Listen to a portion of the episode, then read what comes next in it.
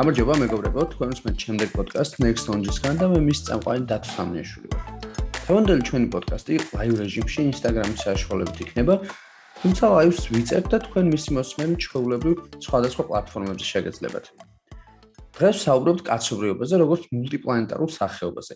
ლაივს ჩვენთან ერთად კი არის წერალი, მუსიკოსი და ჩვენ დღევანდელი თემის მიმართ ნამდვილი ენთუზიასტი ზურა ჯიშკარიანი. ზურა, გამარჯობა. პრივეტ. პრივეტ, როგორ ხარ? კარგად. აა, მოკლედ მოდ დავიწყოთ ხო, ალბათ რაზეც შევაპარაკებთ, ანუ ფსიონელი შემოგვიერთდა და შეგვიძლია თქვა რა არის დღევანდელი ჩვენი სასაუბრო თემა, ну არის ეს როგორც უკვე თავში აღნიშნეთ, აა მულტიპლანეტარული ცივილიზაცია, ანუ კაცობრიობის მომავალი. აა როგორ შეიძლება იყოს მოკლედ ადამიანების ზოგადად ჩვენი სახეობის მომავალი იმ კუთხით, რაც შეიძლება გაცდეს ხო დედამიწას, ანუ ერთ პლანეტას, რომელზეც ეხა ვართ, ესე ვთქვათ, გამოკიდებულები, რომელიც ჩვენთვის ძალიან მნიშვნელოვანია.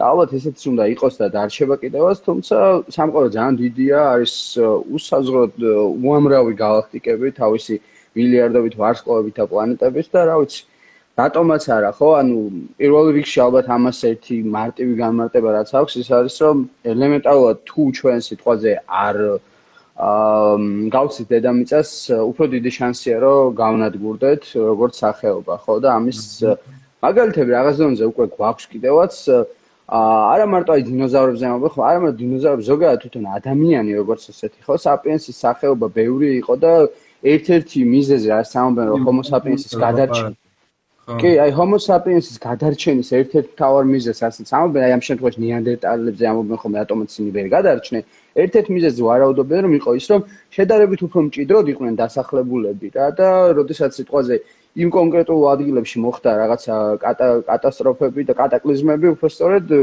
იმ იმ ადგილას გადაჯიშდნენ, გადაშენდნენ ესე თქვა ეს არსებები და რადგან მოდებული არ იყვნენ პლანეტაზე, homo sapiens-ები ვერ გადარჩნენ. მომავალში უფრო გლობალურად ალბათ შეიძლება იგივე პრობლემა დაუდგეს არა მარტო homo sapiens, არამედ მთლიანად სიცოცხლეს, ხო, რომელიც დღეს დედამიწაზე. მოკლედ, როი რო არ გამძიეს, აი ამაზე ვილაპარაკებთ. შენ რა სიკოლის ზურა რამ სხვა დაამატებდი ჩვენს შესავალზე. არის შენ ახსენე ძალიან კაი პოინტები ახსენე როგორ გადარჩა homo sapiens-ი იმიტომ რომ დაახლოებით 6 სახეობა არსებობდა ადამიანის ხო? აჰა. სალამ ტომსო, სალამ ტომს. 6 სახეობა არსებობდა ადამიანის და გადარჩა ნეანდერტალელი კი არა და homo sapiens. და შეახსენე მომავალი. სადაც კაცობრიობა შეიძლება განსახლებული იყოს სხვადასხვა პლანეტებზე, მაგრამ სამ მომავალზე დავიწყოთ ლაპარაკს, მოდი წარსულიდან დავიწყოთ. 6 მილიონი წლის წინ შიმპანზეს და ადამიანის პირველი ბებია, ბოლო ბებია იყო 6 მილიონი წლის წინ. 2 მილიონი წლის წინ ადამიანებმა დაიწყეს აა გადასვლა აფრიკიდან ევრაზიის კონტინენტზე. 500000 წლის წინ შეიქმნა ნეანდერტალელები. 200000 წლის წინ შეიქმნა უკვე homo sapiens, გაჩნდა homo sapiens. აი, ვიღაცამ შემისწორა მეტი სახეობა არსებობდაო თანამედროვე კვლევებით. მით უმეტეს წარმოიდგინეთ, რამდენი ადამიანის სახეობა არსებობდა და დარჩა homo sapiens. მაგრამ ნახე დავით, 200000 წელი დაუჭირდა ჩვენ, რომ მოსულიყავით. იმ ეტაპამდე, როცა ჩვენ მე და შენ ახლა Instagram-ით live-ში ვსაუბრობთ ერთმანეთში.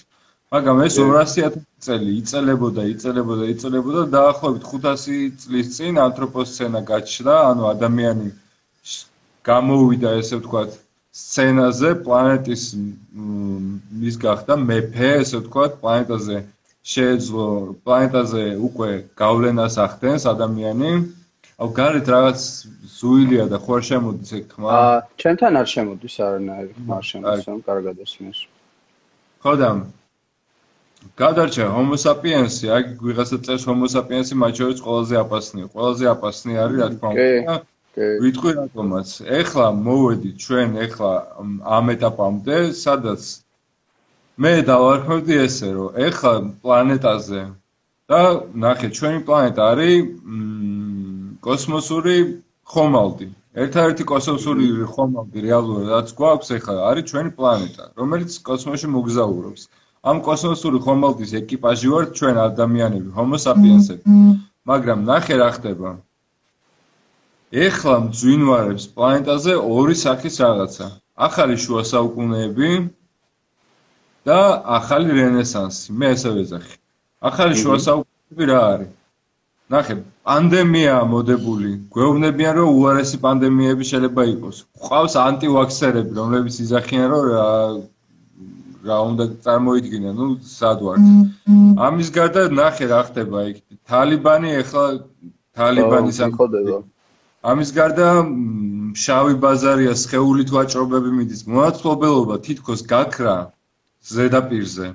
მაგრამ რეალურად მოათლობელობა დღესაც არსებობს 21 საუკუნეში 2021 წელს მოათლობელობა დღესაც არსებობს შავ ბაზარზე ეხლაც მუშაობენ ადამიანები ფიზიკური შრომით და ისო ჩვენ ტელეფონები გვაქვს მაგათი შრომის ის არის სადაც 1 დოლარს აძლევენ წელიწადში ამის გარდა ომები ტერიტორიული კონფლიქტები ეს პატრიარქალური ტერიტორიული გადანაწილებები ანუ პლანეტაზე რეალურად საშინელებები ხდება. პლანეტა ჩვენ აი ამ გაგებით, ხო? ვართ მომაკვდავი სახეობა. იმიტომ რომ თუ რაღაც გარღვევა არ მოხდა, და დამატებით ეკოლოგიური კატასტროფები, ეკოლოგიური კატასტროფა, ეკოლოგიური კატასტროფა რაც გველოდება. ეს ეკოლოგიური კატასტროფა რამდენიმე სახეობას წაიღებს თან, მათ შორის ადამიანს. მაგრამ არ ნიშნავს რომ სიცოცხლე განადგურდება, უბრალოდ ადამიანი აღარ იქნება რა, რაც ჩვენ არ გვაწყობს, ხო? მაგრამ მეორეს მხრივ არის ახალი რენესანსი. ახალი რენესანსი რა არის? ეს არის ის ხალხი, ვინც მუშაობს მაღალ ტექნოლოგიებზე, ვინც მუშაობს გარღვევებზე და ძირითადად ეს არის კონკრეტული ლოკაციები, Silicon Valley, ჩინეთში რაღაცა ლაბორატორიები, ევროპაში ლაბორატორიები, ხო? NASA ის ადგილები, სადაც ძირითადად კაპიტალი არის დაგროვილი რა. აა შეფარდებას თუ ავიღებს, როგორც წინა საუბარზე ვთქვით, ძალიან ცოტა შეფარდება იმ ხალხის, ვისაც უნდა რომ რაღაც გარღვევა მოხდეს და იმ ხალხის, ვინც ჩაფლულია მომებში და მოკლედ ჩვენ ძალიან სასტიკი სახეობა ვართ სინამდვილეში გენეტიკურად, ესე მოგვიწია ცხოვრება, რომ ძალიან სასტიკი სახეობა ვართ რა. სასტიკი სახეობა ვარ და ეს აისახება მთელი პლანეტის ცხოვრებაზე და უკვე კლიმატ ჩეინჯზე და ვაფშე ყველაფერზე რა. ეს სხვათა შორის აი კლიმატურ ცვლილებებს პატარა იმას ჩავამატებ არ და მოვიწყოს. ეხა ზუსტად ეხა წერდი, აი მანამ ეს სლაიდი დაიწყო და რაღაც სტატიას წერდი რა კვლევაზე, რომელიც ამ გლობალურ დათბობა ხო ვიცით რომ ანუ დაწყებულია ეს პროცესები რა და აი ხა იყო გაგას კვლევა ჩაატარე, სადაც ანუ ეს ცოცხალი ორგანიზმები, ანუ ცხოველები რა, ფრინველები და ასე შემდეგ, ანუ ფიზიკურად უკვე დაწყებული აქვს უკვე რამდენიმე წელია რაც დაიწყეს თურმე ანუ ფიზიკურად იცვლებიან იცვლებიან იმის გამო რომ ხდება გლობალური დათბობა ანუ წარმოიდგინე ნისკარტის ზომები თუ თქვენობის უმეტესობაში იზრდება დაახლოებით 10% და სხვადასხვა მაგალითად ფეხები რაღაც მღრნელებს ეზრდება ზომაში წარმოიდგინე ანუ ფაქტია ძალიან ის ევოლუცია დაჩქარდა იმის გამო წარმოიდგინე რომ გლობალური დათბობა რომ დაიწყო და რომ ანუ მათმა ესე თქვა სისტემამ რომ ნახა ანუ რომ რაღაცა კლიმატი იცვლება ესენი ეხა საწყლები იწებენ ძალიან დაჩქარებულ ტემპში ცვლილებას რომ აეწყონ იმიტომ რომ ეს ყველაფერი ნისკარტი რაღაც იმიტომ იზრდება რომ მათ გადახურებისგან იცავს რა წარმოიდგინე ანუ ხო წარმოიდგინე და ანუ მას შეუძლიათ ამის გაკეთება მაგრამ ადამიანი არ არის მოწყობილი ესე რომ ესე სწრაფად გააკეთოს ცვლილება ბიოლოგიური. საერთოდ არც ეგენი არ არის, ალბათ ვერც ეგენი ვერ გადარჩებიან. უბრალოდ აი მაგას უფრო ცდილობენ, წამენია ი გაიბრძოლესო რა, ანუ რაღაც ეგრე გამოს. რამდენად გადარჩებიან ეგ ეს არ ვიცი. აი ხან ახი ამაზე ლაპარაკობთ. ჩვენ უნდა გავაკეთოთ რამდენიმე რაღაცა რა. რამდენიმე რაღაც, რამდენიმე ვარიანტია, ხო, აქედან გამოსავალი რა. ერთი გამოსავალი, რაზეც მოდი დღევანდელ თემას მიუბრუნდეთ რა. ეს არის კოსმოსის ათვისება. მე არ მომწონს ტერმინი კოსმოსის კოლონიზაცია, იმიტომ რომ კოლონიზაცია თვითონ სიტყვა ატარებს ძალიან ცუდ კონოტაციებს, რა კოლონიზაცია ხო ხტები აი ძალიან ცუდ ცუდი კონოტაციები არის რა. რაც ამერიკაში ვქენით მაგალითად ხო რო აღმოაჩინოს კონტინენტზე დავხოცო. რაც ევროპამ გააკეთა მაგალითად ბელგიამ ევროპ იმაში აქვს აფრიკაში რაც э, ბრიტანეთმა გააკეთა ინდოეთში და ასე შემდეგ რა ისტორიის მაგალითები გვაქვს სულ ეხლა ხან გუშინ წინ მოხდა ისტორიის ტაიმლაინს თუ ავიღებთ ეს რაღაცები მოხდა გუშინ წინ და ეხლა მოვედით ამ რაღაც ლიბერალურ ეპოქაში სადაც ვამბობთ რომ ადამიანის უფლებები არის მთავარი და ასე შემდეგ მაგრამ რა უნდა მოხდეს? უნდა შეიცვალოს თუ უტოპისტურად ვიტყვით უნდა შეიცვალოს გლობალური აზროვნება უნდა წარმოვიდგინოთ ჩვენი თავები როგორც პლანეტის შვილები და არა როგორც რომელიმე ნაციონალური სახელმწიფოს შვილები, ხო? რომ ჩვენ ვართ მართლა ეკიპაჟი ამ spaceship Earth-ის, ანუ დედამიწა ხომალდის ეკიპაჟი ვართ. ეს ერთი, მაგრამ ეს არ ამგონია რომ მოხდეს რა, გლობალურად ამის შეცვლა თალიბანის, თალიბანისთვის ამის ახსნა, ჩვენ ვართ ეხლა პლანეტა დედამიწის შვილები და რაღაცა პლანეტას უნდა მივიხედოთ და ასე შემდეგ, ძალიან რთული იქნება. მაგრამ მოდი მიუბრუნდეთ კოსმოსის ათვისებას და კოსმოსში დასახლებას. აა კოლონიზაციის ნაცვლად ვიხმაროთ სიტყვა კოსმოსში დასახლება და კოსმოსის ათვისება. სანამ მაგაზე გადავალთ ერთ რაღაცას ვიტყვი რომ ის ტექნოლოგიები, რომლებიც დაგვეხმარებიან კოსმოსის ათვისებაში, თვარეზე გადასვლაში, მარსზე გადასვლაში, იმდენად რადიკალურად მაგარი ტექნოლოგიები იქნებიან, რომ ასევე დაგვეხმარებიან დედამიწის პრობლემების მოგვარებაში. ამას რატო ამბობ, რომ ძალიან ბევრი ადამიანი ამბობს, რომ რა გვინდა მარსზე, რა გვინდა მთვარეზე, რა გვინდა კოსმოსში, როცა დედამიწაზე ვერ მოგვიგვარებია ეკოლოგიური ან სხვა პრობლემები, ხო? ხალხი შემშეობს და ასე შემდეგ. ხალხი შემშეობს და ასე შემდეგ. რაც ლეგიტიმური კითხვა არის ძალიან. ამ ლეგიტიმურ კითხვას უნდა გავსეთ ლეგიტიმური პასუხი.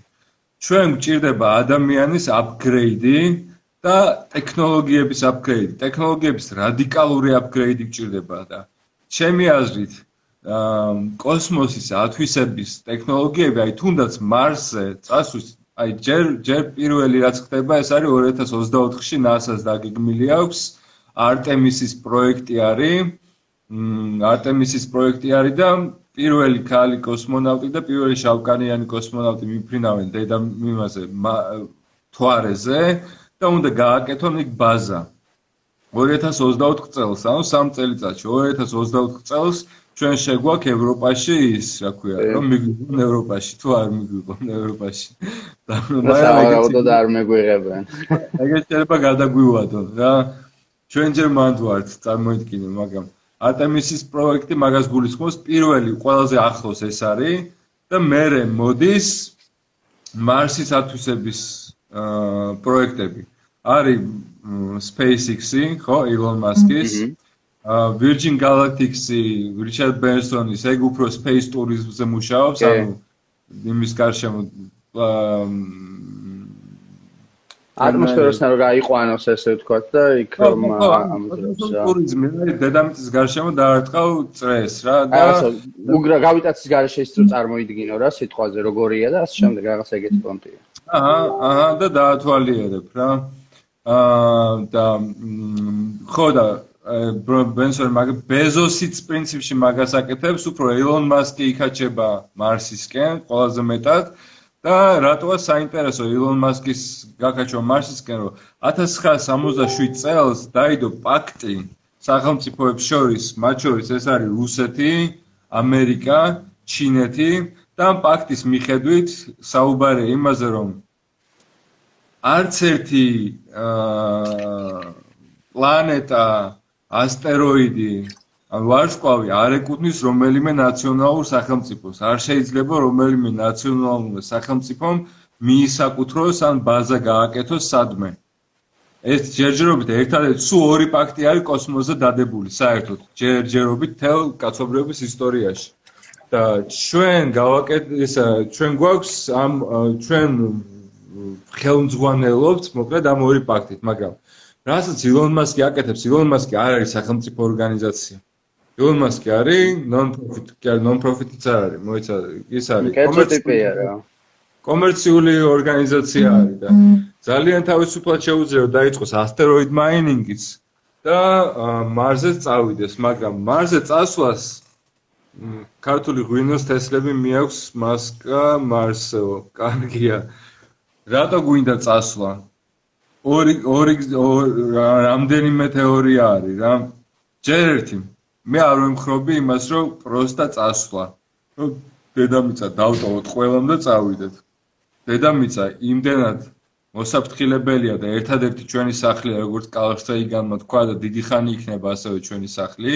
და კარდაშევის სკალაზე მინდა დავილაპარაკო და იქ გეტყვის უბრალოდ სად ვართ ახლა. დედამიწაზე აუცილებლად უნდა დავჭეთ, მაგრამ აუცილებლად უნდა გავაკეთოთ ბექაპები ცივილიზაციის, იმიტომ რომ იმდენი რაღაც ხდება აქ, ომები, ბირთვული იარაღი, პანდემიები, მეტეორიტი შეიძლება ნებისმიერ დროს დაეჯახოს, ხო?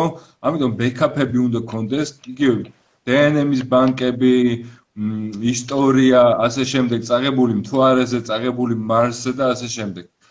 მაგრამ ის ხალხი, ვინც წავა მარსზე საცხოვრებლად, ძალიან რთულ პირობებში მოუწევთ ცხოვრება, იმიტომ რომ ჯერ ერთი დედამიწის ნასახი არაფერი არ იქნება, ჩიტები ჟღურტულს ვერ გაიგონებენ, სახეზე ბრიზი არ შემოუბერავთ ზღვის, არაფერი, პატარა ისეთ სახლებში მოუწევთ ცხოვრება და ყველაზე პირველი ისინი კოლონიზატორები არა.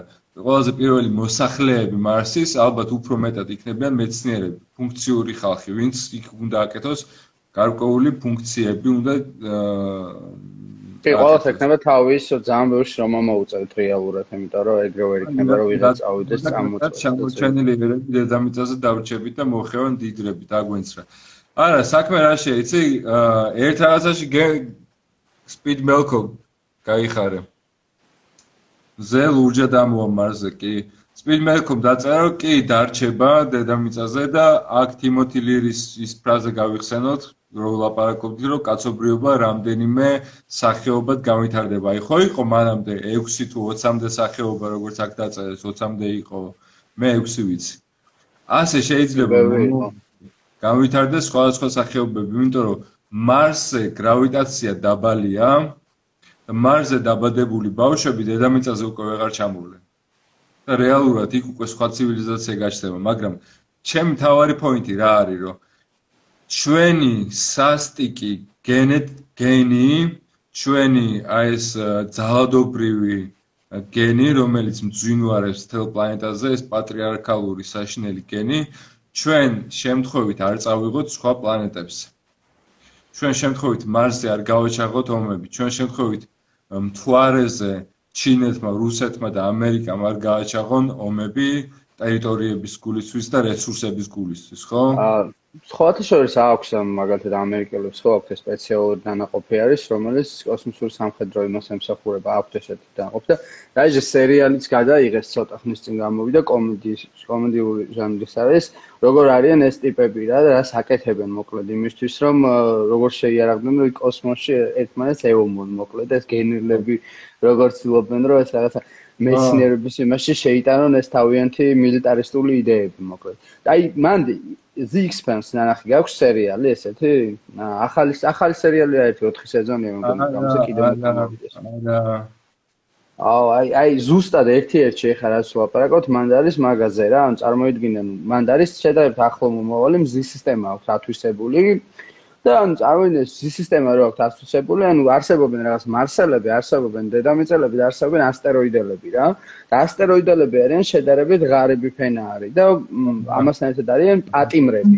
ანუ წარმოიდგინე ციხეები გაშ ძალიან მაგარი სერიალია რა და ძალიან ტექნიკურად გამართულია რაც თავარია. და ეს პატიმრები არიან ფილმის სახელი The Expense, Expense, Expense. გაფართოება ქართულად, რა ვიცი, ამ სერიალი 5 სეზონი კიდე გადის და იღებენ. ხო და რას ვამბობდი რომ ეს ასტეროიდები წარმოინე გაშვებული ყავთ იმაში რა ანუ ასტეროიდებთან და ანუ წარმოინე იქ ეს თელი პატიმრები და ვიღაც ესე თქვა ესეთი რაღაც შედარებით დაბალი ფენა იმათთვის აუთი გამომწყვლელი და მე გავიდა წლები წარმოიდგინე და გამოვიდა მივიღეთ სამი ცივილიზაცია არიან დედამიწელები მარსელები და ასტეროიდები მარსელები იქიდან გამომდინარე შენ რას თქვი ზუსტად ეგ გაგზელებაა წარმოიდგინე ეგ ლოგიკა აქვს აღებული რომ რადგან მარსზე თავიდან მეცნიერები ჩავიდოდნენ, უფრო ტიპები არიან, უფრო პრაქტიკულები.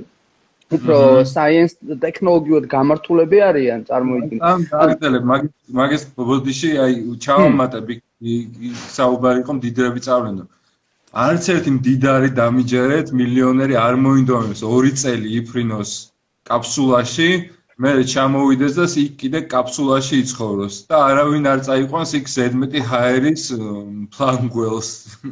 ხო, რა თქმა უნდა, ანუ ხო, გაიგე. დიდარმა შეიძლება, დიდარმა შეიძლება აი Virgin Galactic-ი რაც ახსენე შენ თავში, ეგ გამოიყენოს და განიცადოს რაღაცა რა არის სიტყვაზე, როდესაც გრავიტაციას არ უძნობს ლივრივე ფაერში. ისე წარმოიდგინე პროსტა რა ეს ბიძინა რანაირი ტიპია. ტიპ შეუძლია რომ თვეში ერთხელ დედამიწას წრე და არტყას. ისე რომ არაფერი არ დაიხარჯაო ფული წრეში. თვეში ერთხელ შეუძლია რომ დედამიწას წრე და არტყას და უყუროს რა და ამის ნაცვლად რაში ხარჯავს ფულს ხეების გადაზიდვაში. ხეების გადაზიდვაში და ნუ ვისაც ებძვის და კაროჩი ხო და ნუ მოკლედ ხო და მან ექსპენსი არის ზუსტად ეგ მოკლედ ჩვენ ასე თქვი რა ანუ ეს მარსელები არიან ტექნოლოგიურად ძალიან განვითარებულები იმიტომ რომ იქ თავის დროზე მეცნიერები დასახლდნენ და მივიღეთ სამი ცივილიზაცია ერთი არის ეს მარსი რომელიც ტექნოლოგიურად უფრო განვითარებული მაგრამ შედარებით რაოდენობრივად ცოტანი არიან დედამიწელებთან შედარებით. არიან თვითონ უკვე დედამიწელები რა თქმა უნდა და არიან ეს ასტეროიდები. ასტეროიდები არიან ძალიან დაჩაგრულები იქიდან გამომდინარე რომ აი ესე თქო ღარიბები და ესე პატრიოტი ყველანი იქ იყვნენ რა და ხო გეტოა წარმოიდგინე ამ წამე დედამიწაზე გეტო აღარ არსებობს და გეტოს ცალკე რაღაცა მიუჩინეს ცივილიზაცია და ცივილიზაციების გეტო გამოდის რა. და მე ამათ შორის წარმოიდგინე იწება მე ზუსტად აი მაინც ეს ადამიანური ისინი რა ჩვენ გვამოძრავებს ზუსტად დღეს ეს მილიტარისტულისთან. ძალიან მაგრა არის ზუსტად ეგ გადმოცემული ეხა რეალოდ რას ვაპარაკობთ და რაზეც ვილაპარაკებთ რა და რა ვიცი ბოდ ეგრევე გამახსენდა ხა ამაზე შემიძლია ამ სერიალს ძალიან ბევრი ვაპარაკო მაგრამ ეხა ძალიან მომინდა ყურება. ექსპანს ესე კი ექსპანს კი და რა ვიცი რა ვიცი და ნუ მან კიდე შემოდის აი მარტო ადამიანური მეფს ცდება ეგ წარმოიდგინე შემოდის მან რაღაცა არამატერიული რაღაცა ცივილიზაცია წარმოიდგინე ამ თლიან ზი სისტემაში სისტემაში რომელიც ვაფშე თავიდან ბოლომდე ატრიალებს თელს ამათ ესე ვთქვათ მენტალიტეტს რა. რა ვიტყვი რაღაცას გაეხა უცებ ძალიან ძალიან იმას მიქდა ძალიან მაგარი რაღაც მოხევი რა ვაფშე რატო გამომაზე ეს სერიალი? პირველი ეს ადამიანური რაღაცები რო არ მოხდეს იქ ვარ გაგძელდეს ისტორია, საშინელება იქნება ახალ პლანეტაზე, რომ გაგძელდეს ძველი ისტორია, იგივე ომები, გეტოები და ასე შემდეგ და რაღაცა. ამისთვის უნდა მოხდეს ადამიანის აპგრეიდი. 60-იან წლებში ტერმინი კიბორგი გამოიგონეს 60-იან წლებში, cybernetic organism, რომელიც ნიშნავს ეს რაღაცას, რომ ну, პირველ პირველ ესეში, როგორც დაწერეს, მან იდეა ის იყო, რომ აა ისეთი რაღაცები ჩაენერგათ ადამიანში, რაც აი არაცნობიერად მუშაობს. მაგალითად, რადიაციის ლეველი თუ აიწევდა, რაღაცა ნემსი ჩაერჭებოდა და იმას შვებოდა დაეხმარებოდა, რომ რადიაცია გადაელახა, ესე ვთქვათ რა. აა კიბერნეტიკული ორგანიზმი და ჩემი აზრით ადამიანი ეხლა AI რო ვითარდება და ნეირო ნეიროლინკი რო არის და მსგავსი რაღაცეები, ჩემი აზრით, აი მაკეტკენ უნდა წავიდეთ, უნდა უნდა შევერწყათ კიბორგულ ტექნოლოგიებს, ჩვენი გამოთვლითი სისწრაფე ტვინის უნდა გავაძლიეროთ, ან ჩიპი ჩავიდგათ რამე, ან რაღაცა, რაც საშუალებას მოგცემს, რომ გადავლახოთ ის ევოლუციური პარადიგმა, რომელშიც ვართ ჩარჩენილები, ხო?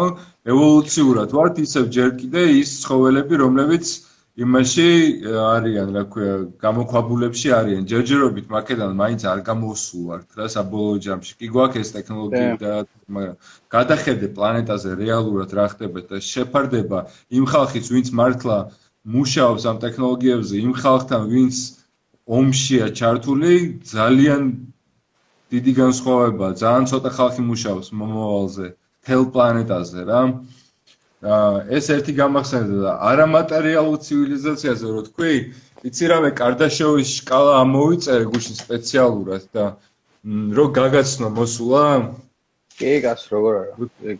იცი რა არის ეს არის ცივილიზაციის ტექნოლოგიური განვითარების გაზომვის მეთოდი, რომელიც დაფუძნებულია ცივილიზაციის მიერ ენერგიის მოხმარებაზე. ანუ ორ მაჩვენებელს განიხილავს ცივილიზაციის ტექნოლოგიები და ენერგიის მოხმარება. ანუ რაც ნიშნავს, იცი რომ რაც ბო განვითარებულია ტექნოლოგია, მით უფრო მეტი ენერგიის მოხმარება შეუძლია რა. და თვითონ არტაშოვ 60-იან წლებში აა გამოყოფილი აქვს სამი ტიპის ცივილიზაცია, მაგრამ შემდეგ ერთმა სამეცნიერო ფანტასტმა დაამატა კიდე და სულ გამოვიდა 7. აი ხა ჩავყვები სამივეს ნუ ნუ ნუ ეტაპზე არის ადამიანური ცივილიზაცია. ეხა სადაც ვარ და კალსაიგანის გამოთვლით ჩვენი დონეა სადღაც 0.72 და ამ ტემპით თუ გავაგრძელეთ პირველი ტიპის ცივილიზაციამდე დაგვჭირდება 1000 წელიწადი. 1000 წელიწადი დაგვჭირდება ამ ტემპით თუ გავაგრძელეთ. ესე იგი გარღვევები გვჭირდება ყველა ვარიანტში თორე ამ ტემპით ჩვეულებრივ თუ გავაგრძელეთ 1000 წელიწადი 1000 წელიწადი მე არ ვიცი ადამიანს თუ აქვს ჯერ ერთი კლიმატური პირობებიდან გამომდინარე და ზოგადადაც არ ვიცი 1000 წელიწადი პლანეტაზე ადამიანს თუ აქვს იმისთვის რომ აი ეს ნელ-ნელა ნელ-ნელა ნელა გავითარდეს გახდეს type 1 ცივილიზაცია. type 1 ცივილიზაცია არის ცივილიზაცია, რომელიც საკუთარი პლანეტის მთელ ენერგეტიკულ პოტენციალს იყენებს. ანუ რას ნიშნავს? სulis ფლორა ფაუნას, მართავს ამინს, მართავს ცუნამებს, მართავს მიწისძვრებს და შესაძლოა ტექტონიკურ პლიტებზეც მოქმედებს. წარმოიდგინე, ეს არის როცა თელ პლანეტარულ ენერგიას იყენებს რა. მეორე ტიპის ცივილიზაცია არის ცივილიზაცია, რომელიც იყენებს თავისი ვარსკვლავის თელ ენერგიას. დაისონის სფერო ხო გაგიგია? აი ეს დიდი მრგვალი რაღაცა. აი დაისონის სფერო რო გაკეთდეს და მზის ენერგიას მთლიანად რო იყენებს, ეს არის მეორე ტიპის ცივილიზაცია. მესამე ტიპის ცივილიზაცია არის ცივილიზაცია, რომელიც უკვე აი ძალიან მაღალ ლეველზე, რომელიც იყენებს მთელი galaktikis ენერგიას. ანუ ცივილიზაცია, რომელიც იყენებს ირმის ნახტომის ენერგიას. წარმოიდგინე, პროსტა აი რამხელა ის არის, რა ქვია. რამხელა ის არის, ანუ უამრავი დაისონის სფეროა შექმნილი და galaktikis მთელ galaktikasში არის ნეოკვანტული რეალურად ცივილიზაცია. ხო. მეოთხე ტიპის ცივილიზაცია არის ცივილიზაცია, რომელიც იყენებს თელი კოსმოსის ენერგიას. თელი კოსმოსის ენერგიას და ეს რას ნიშნავს, რომ შეუძლია დროის და სივრცის მართვა, შეუძლია ენტროპიის შეჩერება რაღაც დონეზე და ისა უკტავების მიღწევა. მეხუთე ცივილიზაცია არის ცივილიზაცია, რომელიც იყენებს რამდენიმე სამყაროს ენერგიას, ანუ მულტივერსი თუ არსებობს, შეუძლია გავიდეს და სხვა სამყაროს ენერგიას გამოიყენოს და ასევე შექმნას თვითონ შექმნას სამყაროები. თუ მსგავსი ცივილიზაცია არსებობს, ასევე დიდი ალბათობაა, რომ ჩვენც შეიძლება რომელიმე შექმნილ სამყაროში ვარსებობდეთ. მეექვსე მეხუთე ტიპის ცივილიზაცია, მეხუთე ტიპის თქვი და მეექვსე ტიპის ცივილიზაცია ეს არის ომეგა, რომელიც არის ცივილიზაცია, რომელსაც შეუძლია დროსა და სივრცის მიღმა არსებობდეს რა. ეს უკვე არის აბსოლუტურად მატერიის მიღმა რო ხარ რაღაც დონეზე. აბსოლუტურად მატერიის. ეს უკვე სხვა არსებებია, ეს არის უკვე ადამიანი არ არის უკვე მან ხვდები და ჩვენ უნდა შევეგუოთ იმ ფაქტს, რომ ჩვენ ახალ რეალიებში ადამიანები ვერ დავრჩებით. ისეთები როგორებიც ვართ. ხო დათო რა? ანუ ადამიანები იცი რა არის მანდ მე მგონია პატარა იმას დავაკეთებდი? მე მგონია რომ პირველივე ეტაპის შემდეგ ადამიანი უკვე ვეღარ დარჩება. იქ კი არა მე მგონია რომ 20-30 წელიწადშიც კი აღარ ვიქნებით. ესეთები ფორმით როგორც დაიწყება ეს პროცესი თუ უკვე არ არის დაწყებული მე აი მე რა მაწუხებს? მაწუხებს და მაგაზე ვფიქრობ რომ აა კონკრეტული ადგილებია მართლა პლანეტაზე სადაც მსგავსი რაღაცები მოხდება. მაგალითად ჩინეთში კლონირება არ არის კი არა, ჩინეთში კლონირება ლეგალურია. როცა ევროპაში კლონირება აკრძალულია. ანუ ჩინეთს შეუძლია ჩვეულებრივად დაიწყოს კლონირებაზე ექსპერიმენტები. ასევე გენურ ინჟინერიაზე ექსპერიმენტები. ანუ ჩინეთში შეიძლება გაჩნდეს ადამიანი, რომელსაც აქვს IQ 1000. სიმაღლით არის 3 მეტრი.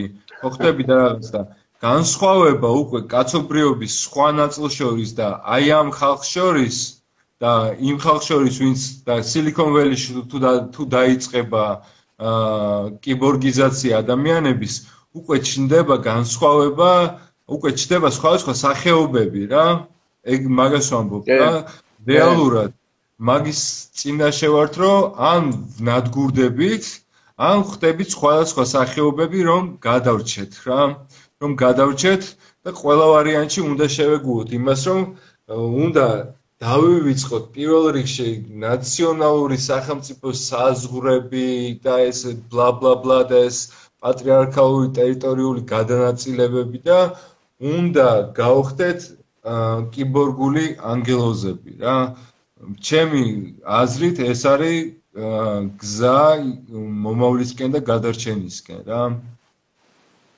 ხო, აი, მან უბრალოდ რა არის, ეხშე რომ ამბობდი ეს ეტაპები, რა, ეგ ეტაპები არის ჩემი ეს, აი, რაღაც ნონზე, ანუ ამ გადმოსახენა ყოველ შემთხვევაში მართლა ეგრე წარმომიდგენი, რომ დაახლოებით რაღაც ეგრე შეგვიძლია დავყოთ რა. თუმცა ნუ მეორე პროცესებში ხა სიტყვაზე რა რა ეტაპები გამოჩნდება კიდე არავინ არ იცის, ხო? მით უმეტეს თუ ჩვენი გონება წარმოიდგინე და აპგრეიდდება და საერთოდ რაღაცა ახლებულ რაღაცებს ავხოთ, ამაზე ხო ჩვენ რაღაც წინა ლაივზეც ვისაუბრეთ, ხო? რაღაც აი პოსტჰუმანიზმზე რო ვაპარაკობთ, საერთოდ რას აღიქვავს ადამიანი და როგორ დონეზე იქნება რაღაცები, კიდე არავინ არ იცის. თუმცა აი ანუ აი ეს პროცესები ანუ აი როდესაც ვაპარაკობთ პოსტჰუმანიზმზე, გინდაც ვაპარაკობთ აა ნებისმიერ ისეთ თემაზე, რაც არის დაკავშირებული მომავალთან, ხო? აა ერთადერთი მთავარი მაჩვენებელი მანდ აი დღევანდელი თემაც რატომაც გვაქვს ეს რა არის, რომ ანუ რეალურად თუ სიცოცხლის ფორმამ არ აქვს მნიშვნელობა ეს როგორი ფორმა იქნება, ანუ იმედია შეიძლება და უფრო ჰუმანური გახდება და არ იქნება ესე ძალადობრივი როგორც ეხა არის, მაგრამ ნებისმიერი ფორმა მაინც რომ გადარჩეს აუცილებლად სჭირდება გავრცელება, გამრავალ გამრავალფეროვნება და რაც მთავარია, ევოლუციაც კი გვეუბნება პირდაპირ, რომ არა მრავალფეროვნება ანუ უბრალოდ ვერ გადარჩება ცოცხალი არსება, ვერ გაავრცელებს თავის გენსაც კი. შესაბამისად, როდესაც შენ სიტყვაზე რას აი ამას ვამბობთ რეალოდ მე და შენ ახლა დღეს რომ რეალოდ როდესაც შენ თამაშობ რაღაცა პატარა ფსონი გაქვს, პატარა ფსონს ხარ ჩამოსული, ხო შეიძლება რაღაც წესების ესე ვთქვათ მაგიდაც პატარაა, მაგრამ როგორც იზრდება ფსონი, იმასთან ერთად ყველაფერი იზრდება. შესაბამისად, ჩვენ შევდივართ და დებთ იმ ხელა ფსონებს, რომ ეს სახეობა რო დარჩეს ესეთი ამ ფორმით, ან გინდაც ამ ერთ პლანეტაზე, ანუ დიდი შანსია რომ უბრალოდ ვერ გადარჩეს, ხო? იმიტომ რომ მით უმეტეს ჩვენ უკვე გვაქვს იმ ხელა წარმოიდგინე, ეხლა ჩვენ გვაქვს ამ ხელა ისტორია, ხო? აი, სარტს მე მგონი წინა თუ ახსენე, რომ სარტს აქვს ეს რაღაც ნათქვამი, რომ მე ვარ ცოცხალი მადამ, სანამ კაცობრიობა, ანუ ადამიანი არსებობს ზოგადად რა და ეხლა დინოზავრები რო გაქრნენ გასაგებია რომ იმ წამს კონკრეტული დინოზავრები ეწამებოდნენ და რაღაც რა თქმა უნდა საშნელ მდგომარეობაში იქნებოდნენ სოციალური არსებები, მაგრამ მათ არ ქონდათ ესე ვთქვათ ისტორია ხო რომელიც დაიკარგა, ანუ გულისხმობ იმაში თამომავლები კი არა, წინაპრები და მთელი ამბავი. ჩვენ გვაქვს უკვე ძალიან დიდი ხაზი ძალიან ბევრი ადამიანები, ისტორიები, რომლებიც დაკარგვაც მე ესე უყურებ, ანუ უბრალოდ უბრალოდ რავი, აბსურდი კი არა და რა ვიცი, საცოდაობა იქნებოდა. ამიტომ ყოველთვის თავი დავანებოთ, ხო ვიცით, აი, დავანებოთ გლობალურ დათბობას, დავანებოთ უახლოეს მომავალს. ფიზიკურ დონეზე ვიცით, გარდაუვალი ჭეშმარიტება, რომ ეს პლანეტა თავისი მზის სისტემასთან ერთად რაღაც დიდხანს ვერ გაძლებს, ხო? რაღაცა მილიონი წელი იქნება თუ მილიარდი წელი იქნება. ფიზიკურად განადგურდება ვარსკვლავი თავიდან შესანსლავს დედამიწას თუ არა უფრო ახლო ახლო პლანეტებს და გაქრება მზის სისტემა და გაქრება მთელი ყველაფერი, ხო, აქ რაც არის. ამიტომ მართლა ძალიან რთულია ვთქვათ, რამდენად გვეჩქარება ჩვენ. ანუ ჩვენ შეიძლება გვეგონოს, აი ხა არსად არ გვეჩქარება, ეგ სიტყვაზე რა ვარსკვლავი ჩაქრება პირობითად 5 მილიარდი წლის მერე და რა დროს ეგ არის, ხო? მაგრამ დაუშვათ რაღაც მოხდა შორეულ სიტყვაზე, ისე რა, რომელიღაცა მზის სისტემაში რაღაც მოხდა სუპერნოვას აფეთქება, რომელსაც წამოიგო ისეთი გამოსხივება, რომ შეცვალა დედამიწაზე ყველაფერი. ამიტომ რეალურად, რეალურად ჩვენ რო იმას ვფიქრობდეთ, მართლა აი რაციონალურად ფიქრობდეთ იმაზე, ხო? ანუ რა უნდა გავაკეთოთ სახეობა? მაგის მეტი რეალურად ყველაზე მეტი საფიქრალი უნდა გქონდეს იმაზე, რაც შეიძლება მალე და სწრაფად მოვახერხოთ ის, რომ თუ რამე მოხდა საფრთხეთ გაუჩნდა ამ პლანეტას, ამ გიგანტის სისტემას მოვახერხოთ სიცოცხლის გადარჩენა და გატანა იქით. ну ეხლა რატო უნდა გავიტანოთ ეს სიცოცხლე და რა ასე შემდეგ ეგ ცალკე ეგზისტენციალური საკითხია და საერთოდ რა არის სიცოცხლე იქამდე მივყავართ და რა ღირს ხო მაგრამ ну, რა ვიცი, რადგან ამდენი რაღაც გავაკეთეთ, ჩემი აზრით, ღირს იმის, რომ თან გეთანხმები მეხსიერების ამბებზე რა, მე კაცობრიობის აი ამდენი ამდენი ადამიანის მეხსიერება რაც გადარჩა, ამდენი არ გადარჩა ხო საერთოდ რა. ხო. ვიცოდე რაღაც წერია, უბრალოდ ორი ადამიანი, ერთი პატარა ჩემი, ხანი პატარა.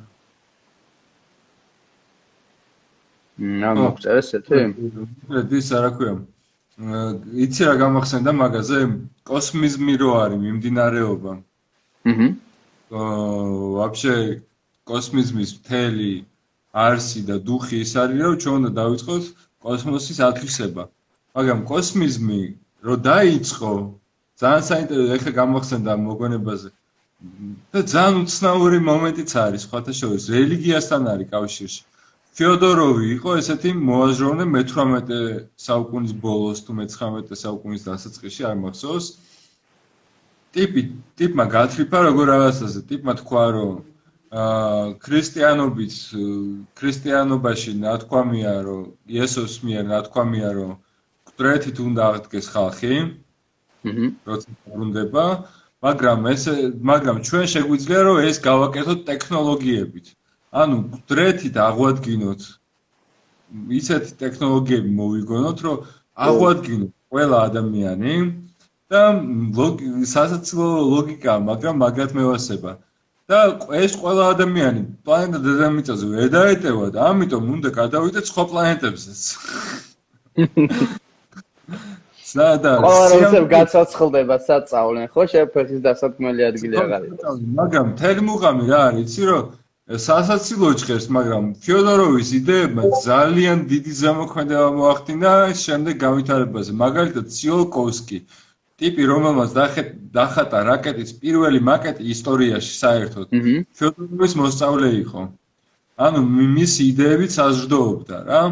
და ხანდახან ძალიან საინტერესოა ეს მომენტებიც რომ თუნდაც ყველაზე აი ესეთი გულუბრყვილო იდეა თუნდაც რომ ჩავთვალოთ ან რელიგიური იდეა ან რაღაცა მსგავსი რამეც კი შეიძლება დაგვეხმაროს იმიტომ რომ წარმოიდგინოთ ციოლკოვსკიმ წაიკითხა ფიოდოროვი გაგიჟდა ადგა დაიწყო მუშაობა და დახატა რაკეტის პირველი მაკეტი, როგორი უნდა ყოფილიყო რაკეტა საერთოდ რა და დევს ინტერნეტში ეს პირველი დახატული რაკეტა.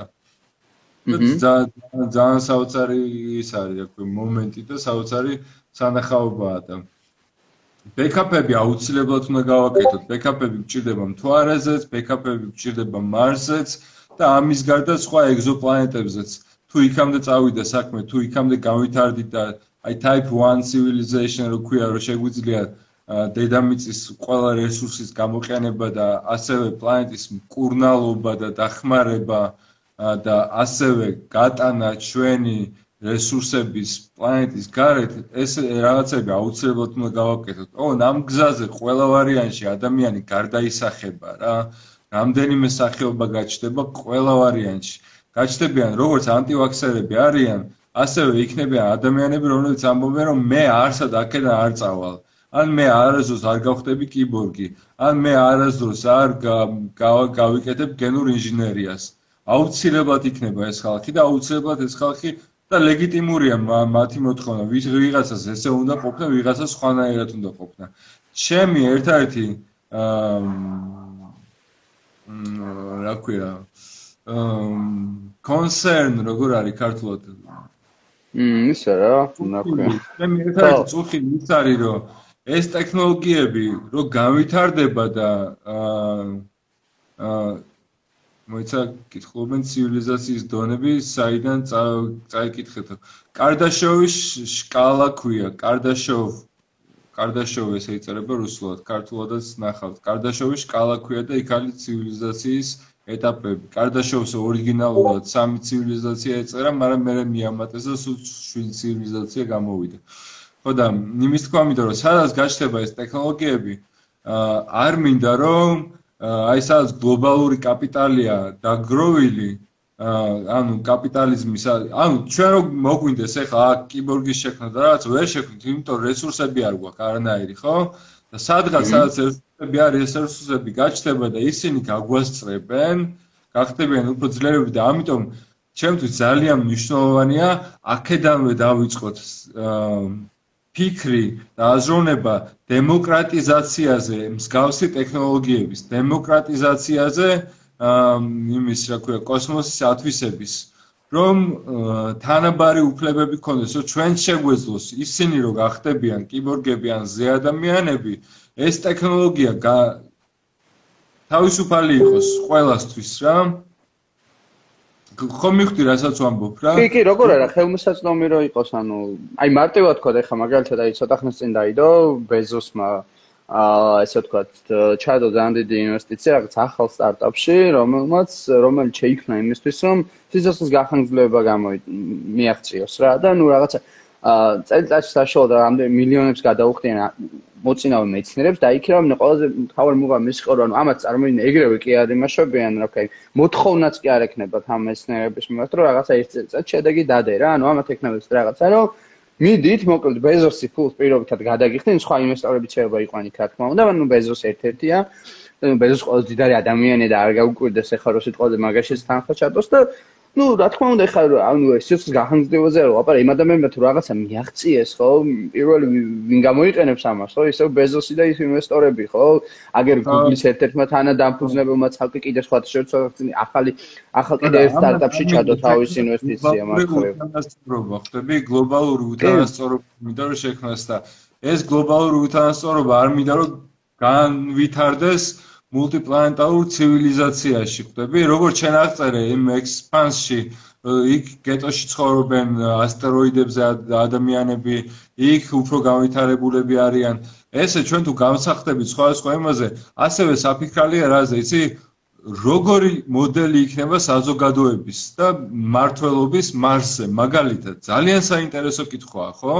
აი როგორი მოდელი მონარქია იქნება დემოკრატია იქნება, აი ძალიან საინტერესო, რატო იცი? იმიტომ რომ ძალიან იქნება დამოკიდებული პლანეტის ატმოსფეროზე, პლანეტის იმაზე, რა ხო, აი რა ხდება იქ შიგნით, იმაზე ძალიან იქნება დამოკიდებული. შესაძლოა ძალიან მარტივად აღმოჩნდეს, რომ მარსზე იმდანად რთული პირობებია, რომ საჭიროა მონარქიული წყობა იყოს. აი ესეთი რაღაცეებიც ამიტომ ამაზე წინასწარ არის საფიქრალი, წინასწარ უნდა დავიწყოთ ამაზე ფიქრი და ამაზე მსჯელობა და მსგავსი მსგავსი რაღაცების განხილვა, იმიტომ რომ ჩემ ჩემი აზრით ძალიან საინტერესო და ძალიან მნიშვნელოვანია მსგავსი რაღაცეები რა.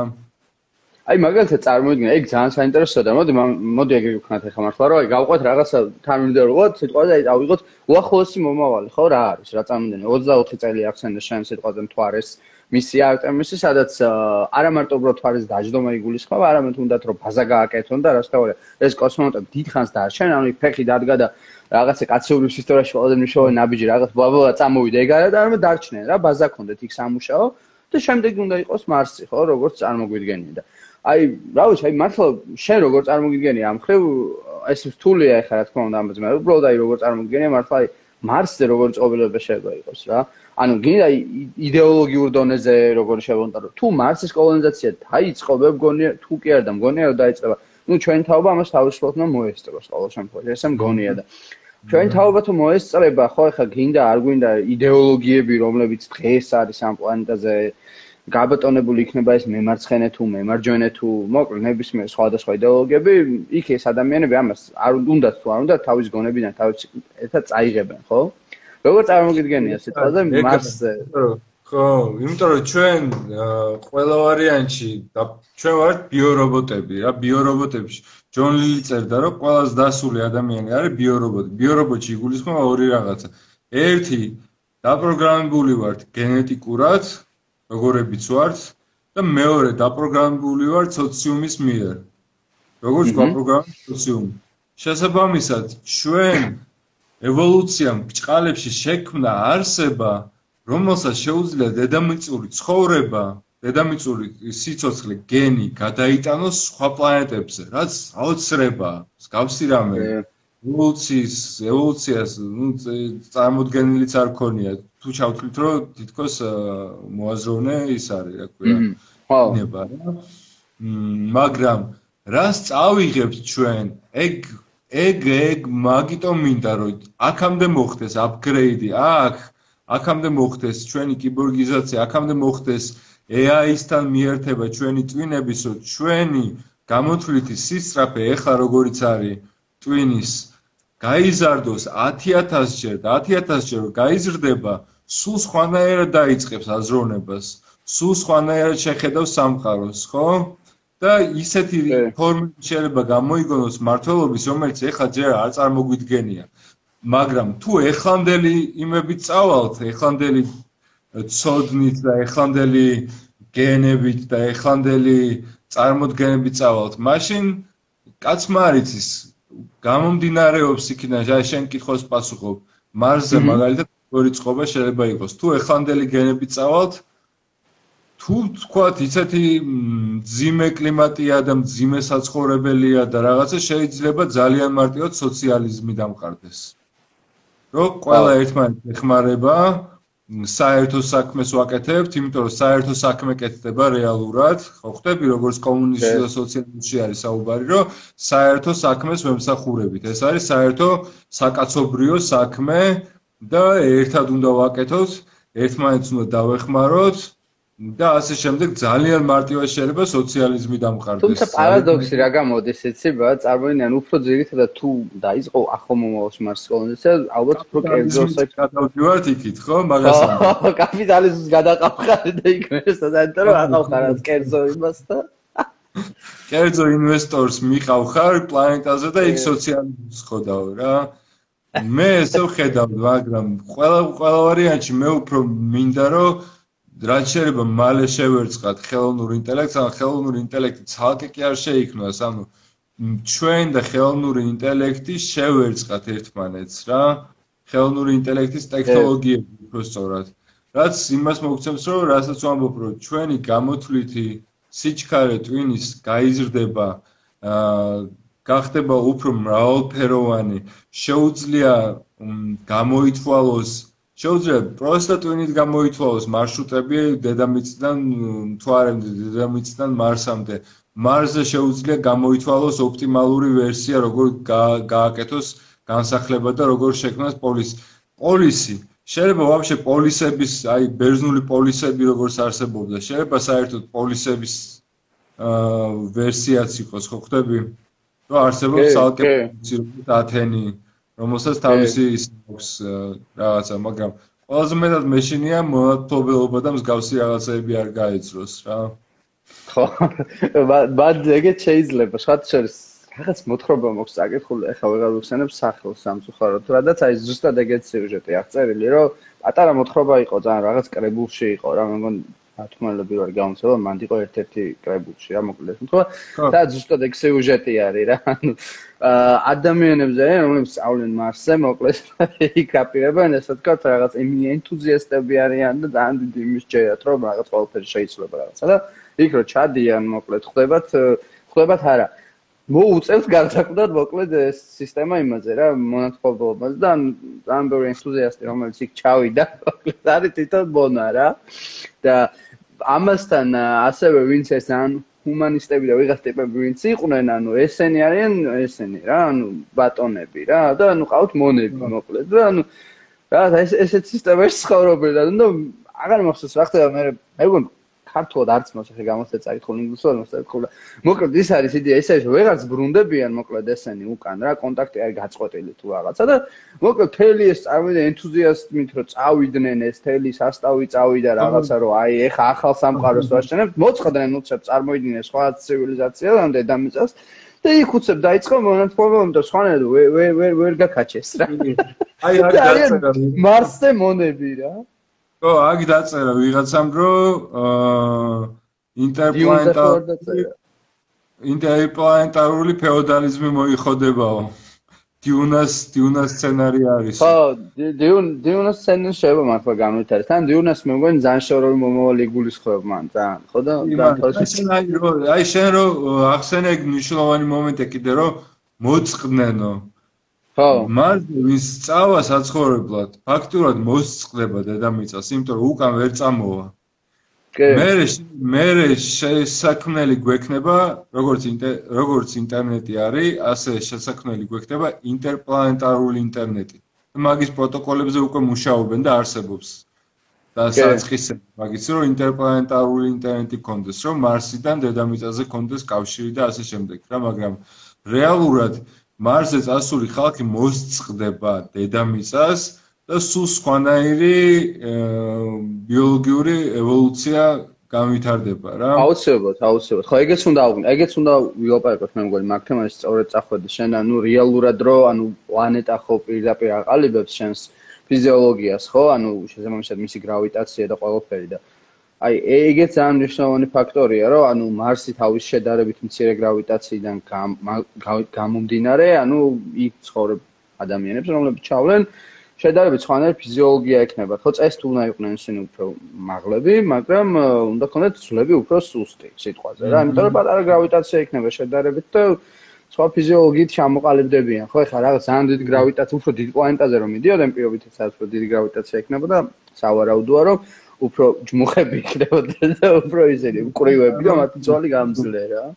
ჩვენ თუ მსგავსი ტექნოლოგიები გამოვიმუშავეთ და შევძელით მარსზე გადასვლა, შევძელით თვარეზე გადასვლა, შემდეგში ცოტა უფრო დიდ მომავალზე წავალ, ეგზოპლანეტებზე თუ დავიწყებთ გადასვლას, მ, რა ვიცი, კოსმიზმი ამას ეძახდა, კოსმიზმი უყურებს, უყურებდა უფრო სწორად სამყაროს როგორც მკვდარს, სადაც სიცოცხლე არ არსებობს. და ამბობდა, რომ ჩვენ უნდა გავაცოცხლოთ კოსმოსი, ანუ ჩვენ წავალთ, გადავალთ, კი სხვა სხვა სახეობებო ჩამოყალიბდებით, მაგრამ გავაცოცხლებთ კოსმოსს, მაგრამ კოსმოსს, მაგრამ აქ კიდე ერთი მნიშვნელოვანი მომენტია, რომ შეიძლება შევეჯახოთ უცხო ცივილიზაციას, ხო? ხო, ეგ მაგარი მომენტია. ხო, რომელიც საერთოდ არ ვიცით როგორი იქნება. ანუ შეიძლება უბრალოდ მცენარეები იყვნენ. ხო, წარმოიდგინე. ოკეანე იყოს მაგალითად, სოლარისში რო არის ლემთან ოკეანე რო არის დიან. ხო. ანუ მსგავსი ეს რაღაცები ჯერ კიდე არ ვიცი და მე მართლა არ მჯერა რომ აი ამ ხელა სამყაროში მარტო ერთი ოაზისი არსებობს დედამიწა სადაც სიცოცხლეა რა. ხო არა. ანუ ეს უნდა იყოს და ეს თუ თუ ეს როგორც ჩამოთვალე სხვა სხვა ცივილიზაციები არსებობენ უფრო მაღალი, რა თქმა უნდა, მაგათთან კონტაქტში ვერ შევდივართ ჯერჯერობით, მაგრამ ჩვენ თუ გადავალთ სხვა ეტაპზე, შესაძლოა სხვა ეტაპის ცივილიზაციებთან უკვე შეგვეძლოს შეხვედრა, იმიტომ ჯერჯერობით როგორც კარდაშევის სკალაში უყურებთ, ნულოვან ეტაპზე ვართ. ჯერ საკუთარ პლანეტას ვერ ვფლობთ და საკუთარ პლანეტას ვერ მოუარეთ, ესე ვთქვათ რა. ხო, ან მან როგორ არის ეხა რო შეხედო წარმოიდგინე. დაიწერა დაწერა უცხო ცივილიზაციებთან მაინც დაიწყება ომი, რა უნდა გაგვეჩეროს. აი ეგეც საინტერესოა რა, იცი რომ უცხო ცივილიზაცია თუ ეხლანდელი გენები წავალთ უცხო ცივილიზაციებთან ომი აუცილებლად დაიწყება, რაც მოხდა ისო კოლუმბი კი არა, ისო ჩავიდა ამერიკაში. ვინ ჩავიდა ამერიკაში? რა ვიცი, კოლუმბია ამერიკოვეს პუჩი რა, ვერ ჩავიდა. ხო, ხო, არა, კორტესი, კორტესი, კორტესი, ვინც ამოხოცა. ხო, თავკე არმიით რო ჩავიდა, შეიარაღების სერიოზულად და იმ. კი, კი, კი. მაგ შემთხვევაში თუ მსგავსი იგივე გენებით წავედით და იგივე აზროვნებით წავედით კოსმოსში, კი, და ვიღაცა შეხვდა კონფლიქტი აუცილებლად მოხდება, მაგრამ თუ წავედით გაფართოებული ცნობიერებით ჯერჯერობით ფსიქოდელური ნივთიერებები აფართოებს ცნობიერებას ისიც დროებით, მაგრამ თუ ჩვენ ტექნოლოგიები გამოვიყენეთ, რომ მუდმივად კონდეთ ცნობიერება გაფართოებული, მაშინ მე მგონი ომი არავისთან არ მოგვიწევს, პირიქით საერთოდ სხვა რაღაცა იქნება რა.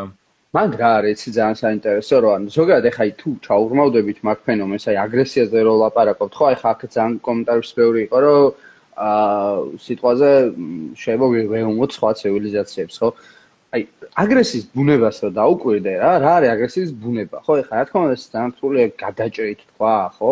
მით უმეტეს იმ დონეზე, რა დონეზე ჩვენ გვესმის დღეს ესე ვთქვათ ბუნება, მაგრამ მაინც შეგვიძლია მე მგონი რაღაც დონეზე ვთქვათ ეს, რომ აგრესია ჩემი არის მოდის უფრო იმისგან, რა, სისუსტისგან, ამ სისტემაში გულისხმობ დაუცველობას რა. აა და ეს აგრესია, ანუ ბუნების ნაწილია, ხო ჩვენ არ უნდა მოგვივიდეს ის მომენტი, ესე არ გავიგოთ, რომ ო აგრესია რაღაც საშინელება, იმიტომ რომ აგრესია არის იმ ბუნების ნაწილი, ხო, რამაც ჩვენ აქამდე მოგვიყვანა და სიტყვაზე ჩვენ გვაქვს ცივილიზაცია და ვარც ასტიკი ცივილიზაცია, ორი აზრი არა, მაგრამ გვაქვს იმის გააზრების უნარი, ზოგჯერ ფიქრობთ, ხო, რომ აიმე საშინელებას ხო არ ვაკეთებთ და ასე შემდეგ, ხო, მაგრამ თავარი მუღამი მანდ რაც მგონია არის, რომ რაღაცა ფორმულასავით წარმომიდგენია სიცოცხლის მომენტში რა, ანუ ეს აგრესია არის საჭირო თავიდან აი ცხოველებსაც თუ დააკვირდა ხო ეს აგრესია მას ჭირდება იმის რომ გადარჩნენ იყვებო ხო აი მაგალითად კატები მყავს მე და მაგალითად აი როდესაც რაღაცა სოფოს წავიყვანე რა ეს კატები და იქ რაღაც ზაღლიან რაღაცა შემოდიოდა და ეგრევე აგრესიულები ხდებოდნენ და ეს რომ იფხურები იფხურებიან რა ზომაში ზდებიან გაჩვენები ხო გაჩვენებენ რომ უფრო დიდები არიან და ეს რეალურად ადამიანის შემთხვევაში აი მაგალითად ეს სტატია დავწერე იმ დღეს რაღაც ატომ ბრაზდება ადამიანი და ძალიან კარგად იყო ბიოლოგიურ დონეზე ახსნილი რა არის გაბრაზების ფენომენი რა ანუ ეს კვლევები რო წავიკითხე ძალიან ისე დავინახე რა და იმის თქმა მინდა მოკლედ რომ რაც უფრო ეხა ჩვენ აგრესიულები ვართ რეალურად მიტოვართ ჩემი გადმოსახედიდან რომ ვარ ძალიან სუსტი ცივილიზაცია და type 1 type 0 და მთელი ისინი ვახსენეთ რა და ცივილიზაცია წარმოიდგინე რომელსაც რაღაც დონეზე ანუ აღარ უწევს ხო? ამ დონეზე საკუთარი თავის დაცვა ან გინდათ უფრო კარგად აქვს გააზრებული რა არის ბუნება და სამყარო რა რაც თავარია ჩემი ეს ჩვენ ეგ ბომდე კი და საერთოდ არ გვაქვს გააზრებული ისიც კი არ ვიცი რა ვართ და რას ვაკეთებთ ხო და რთულია მაგდა გონია რომ ეს აგრესია ანუ რაღაცა ფორმულასავით არის რომელიც დროთა განმავლობაში უნდა შენელდეს. და მე მგონია რომ რაღაცა დაუწერელი კუდივით უნდა იყოს თუ წარმოვიდგენ სიცოცხლეს რაღაც ციკლად რომ ესე მარტივად ეს აგრესია ვერ გასდება მოკლედ დედამიწას რა იმის თქმა მინდა რა. თუ მოგვინდა ჩვენ რომ აი გავხდეთ მულტიპლანეტარული ცივილიზაცია აუცილებლად მე ესე მგონია ყოველ შემთხვევაში დროთა განმავლობაში გარდა იქნება ის აგრესიაც რაც ჩვენ გვაქვს. ასეთი აგრესიით გაუჭirdება ჩემი ცივილიზაციას, რომ დაიპყროს დაიპყროს ჭალებში, ისე ანუ თელ სამყაროს რომ მოედოს. არ ვიცი, იმიტომ რომ სადღაც უეჭველი გაანადგურებს მაშინ ყველაფერს და დღეს თუ ხედავთ რომ პლანეტას ვანადგურებთ, რაღაც აი ბოდიში აი ბოდიში აი აი ერთის მინდა რომ აი ორი ხედვა მაქვს რეალურად ხა ეს მე მაინც ანუ რაც გინდა თქვა ხა ეს ყველაფერი მაინც აბოლოდ ჩემքენ სპეკულაცია გამოდის იმიტომ რომ ამის ემპირიული ცოდნა არ გვაქვს ხო მომავალზე ვსაუბრობთ და არის მეორე ხედვაც როგორც მაქვს არის მაგალითად რომ აი უფრო ვირუსულად რო შევხედოთ რა აი რაღაც ციცოცხლე ვირუსი რომელიც ის მუღამი კი არა აქვს აი რეხა რაც თქვი რომ შეიძლება დაიცლება უფრო აგრესიისკენ და რაღაცა უფრო ახალს შეიმეცნებს. არამედ ტიპია რომელიც გაუაზრებლად იმისთვის რომ გადარჩეს ფორმებს იცვლის, რაი, კორონავირუსის შემთხვევა რა ვიღოთ ეს ახალი დელტა შტამები და ზოგადად არა მარტო კორონა, ვირუსები რასაკეთებენ, რომ ხედავენ და ჭირდებათ მუტაცია, რომ ეს მუტაცია რომ უფრო და უფრო მარტივად მოედონს ხეულს, უჯრეს ჩაეკიდონ, რომ გადარჩნენ. ხო და რაღაც დონეზე ჩელი ჩვენი ეს კიბორგიზაციაც მე ან უფრო скеპტიკურ უფრო იმას გულის პესიმისტური ხედვას გულისხმობ ხა რა შეიძლება ესეც იყოს რომ ეს თელი ჩვენი გადარჩენა ყველაფერი საბოლოოდ იყოს იმ ვირუსის რეფლექსია რომ თელი ეს აგრესია საბოლოოდ კი არ მოუკლათ ჩვენ თავში მართლა წავიღოთ რა და საბოლოოდ როგორც ეს ვირუსი უაზროდ ედება ედება და ბოლოს კლავს ხო ამ მასპინძელ ორგანიზმს თუ მიუში ბოლომდე თუ ძლიერი ვირუსი. ხო და რატო არა დედამიწა ხო შეიძლება თლიანად ჩვენი სამყაროც გავანადგუროთ სიტყვაზე ვარ. პავლჩან კი კი კი.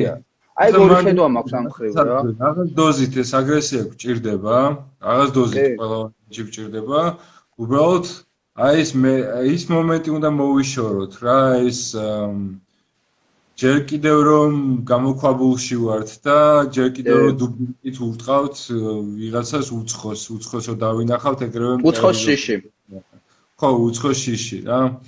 პირიქით უცხოს შეცნობა უნდა იყოს და ეს აღქმა უნდა შეიცვალოს. აქ ვიღაცამ დაწერა ევოლუციით ვერ მივალთ მაგამდე რაღაც ნახტომი გჭირდება ოპ და რაღაც სხვა დონეზე გადასვლა წამიერი. ზუსტად ამაზე ვლაპარაკობთ, ეს დაწერა I'm not even real. I'm not even real მე დაწერა. მაგრამ ზუსტად ამაზე ვლაპარაკობთ ეხლა რომ ზუსტად გჭირდება გარღვევა და ის ხალხი ვინც ამაზე მუშაობს, აი დათოც მაგალითად ამაზე მუშაობს რეალურად, იმიტომ რომ ავრცელებს ინფორმაციას, წერს სტატიებს, აკეთებს პოდკასტებს და ასე შემდეგ. ასეთი ხალხი მეტი უნდა იყოს, იმიტომ რომ ზუსტად ეს არის ის კატალიზატორი ცვლილებების რა. ეს ხალხი და მეცნიერები. რომლებიც შემოიტანენ ზუსტად იმ გარდამტეხ რაღაცას რა, გარდამტეხ რაღაცას. ხო, არა, ანუ ეს ევოლუციას თუ გავყევით ჩვენ, ხო, ეხლა რა კომენტარში აწყო როგორც მივხვდი, რომ ანუ ევოლუციის იმედზე ვერ ვიქნებით ამ შემ. გულს ხო ბუნებრივ ევოლუციას, ანუ თუ არ დავაჩქარეთ რაღაც პროცესები ბუნებრივმა ევოლუციამ შეიძლება ელემენტარულად რა ვიცი მე ისე ისე დაგტოვოს ესე რომ დაუშვათ აი ისე იმას უბრუნდები რა წამოვიდა რაღაც ასტეროიდი შემოდის სულ ერთია სინამდვილეში ევოლუციის პროცესი ცოცხლეა მთავარი რა რა თქმა უნდა ანუ მარტივია თუმცა თუმცა აი წარმოიდგინე სიცოცხლეც კი ამ თავარი მაგრამ სიცოცხლესაც ვერ დაიცავს რაღაც ეტაპზე. ხო წამოვიდა რაღაც ასტეროიდი პირობითად რომელიც იმხელა პოტენციალი ესო გაანადგუროს რა ევოლუცია რასიზმს რომ ასტეროიდი მოვიდა და ორ წამში ხო ვერ გარდაქმნის ისე წარმოიდგინე სიცოცხლეს რომ წყაბ დაგვეცა და ჩვენ ზივართ არაფერი პრობლემა არ არის რა შეიძლება ისე გაანადგუროს პირობითად ვამბობ რომ საერთოდ ვეღარც აღდგეს ამ პლანეტაზე სიცოცხლე თავისით ხო? ან შესაბამისად ვერ უნდა ვენდოთ ჩემი არ ვიცით რეალურად რა არის ბუნების ძალა ანუ ეგ რა ყოველ საინტერესო მთელი მუღამი, თო. ზოგი ამას ღმერთს ეძახის, ხო, ზოგი, რავი, რას ეძახის, ზოგი ენერგიას ეძახის, ზოგი უბრალოდ ბუნების მოცემულობას ეძახის. არ ვიცით ეს რა არის, ანუ ის რამაც ეს ევოლუცია დაქოქა, ესე ვთქვა და ეს მექანიზმი ჩართო. რა, ამ შემთხვევაში კონკრეტულად დედამიწაზე, არ ვიცი სხვა პლანეტებზე რა ხდება. მაგრამ ისიც ვიცით ჩემი აზრით რომ თუ ეს ესე ვთქვათ არ დავაჩქარეთ ხო მარტო ამ პროცესს ჩემი აზრით რომ და მოკლედ თავარი შიში აი შიში რაც არის ჩემი აზრით აი ეს შიში რაც გამოიხატება აი მე შემდეგ რაფორმებსაც იღებს დაჩიპოების როგორ შეშინია ადამიანებს და აი ანტივაქსერული მოძრაობებიც რა არის ხო რეალ სიახლის შიშია იმის შიშია რომ აი გვიდევს ზოგადად შიში სიახლის რომ გარდა იმისა რომ გამოქვაბულს ხო იჯდა ტიპი წარმოიდგინე და ვიღაც რო შემოდიოდა ჩრდილს ხედა შიში იყო რომ უცხო იყო იქ ეხა ესე ვერ შეხვდებოდა რომ მოდი სამყარო შევიმეცნოთ მაშინ რა და ეს შიში გამოყვა. კი ეს გამოყვა გამოყვა გაიგე და მაგასთან ერთად რო გამოყვა იმის ისიც კოდი გვიდევს რომ აი ამ ხელა ბუნების აუც პატივისცემა თუ მორჩილება თუ მონობა დავარქოთ აი ღმერთის მონობას ხო ეძახიან რა და რაღაც დონეზე ბუნების მონობაც გამოდის როდესაც ჩაინ ძახი რომ არ შეიძლება ამაში ჩარეო ადამიანი არ უნდა ჩაერიოს მაგალითად გენური ინჟინერიაში ამაში ამაში იმიტომ მაშინ გამოდის შენ ბუნების მონა უნდა იყო და ბუნების რომელსაც არ ვიცით საერთოდ რა მოძრავებს ხო ცნობიერიც არ გააჩნია. დედაც მაკედან უკვე გამოვედით. 500 წლის წინ რომ დაიწყო ჩვენ გამოვედით მაკედან ანუ ჩვენ უკვე მაგას ვერ ვენდობით რა, იმიტომ რომ ჩვენ მაგ ციკლიდან გამოვედით, ბუნების აი ამ ციკლიდან, რომელიც ტრიალებს, ჩვენ გამოსულები ვართ უკვე კარგახანია. ამიტომ ერთადერთი გზა არის წასვლა წინ და მაღლა. სხვა გზა არ არის რა, იმიტომ დანარჩენი ყველა გზა მიდის ევოლუციურ ჩიხებში.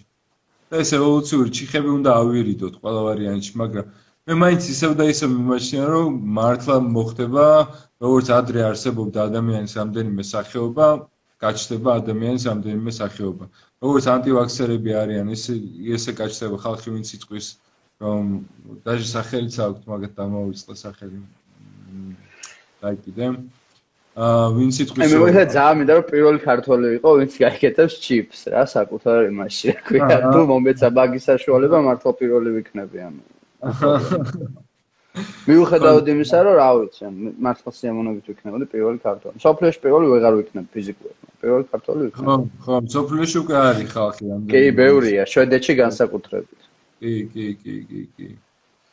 ხო და რა ვიცი, მე მოკლედ ამაზე შევთა შევჯერდეთ მაშინ, რა რომ მულტიპლანეტარული ცივილიზაცია შესაძლებელია, მაგრამ გარანტირებული არ არის. და ამას ვიტყვი, იმიტომ რომ თუ ხალხმა ამაზე არ იმუშავა სუ და ამაზე იმიტომ რომ რეალურად როგორც ადრე ვთქვი შეფარდება იმ ხალხის ვინც ამაზე მუშაობს და ვინც ამაზე არ მუშაობს.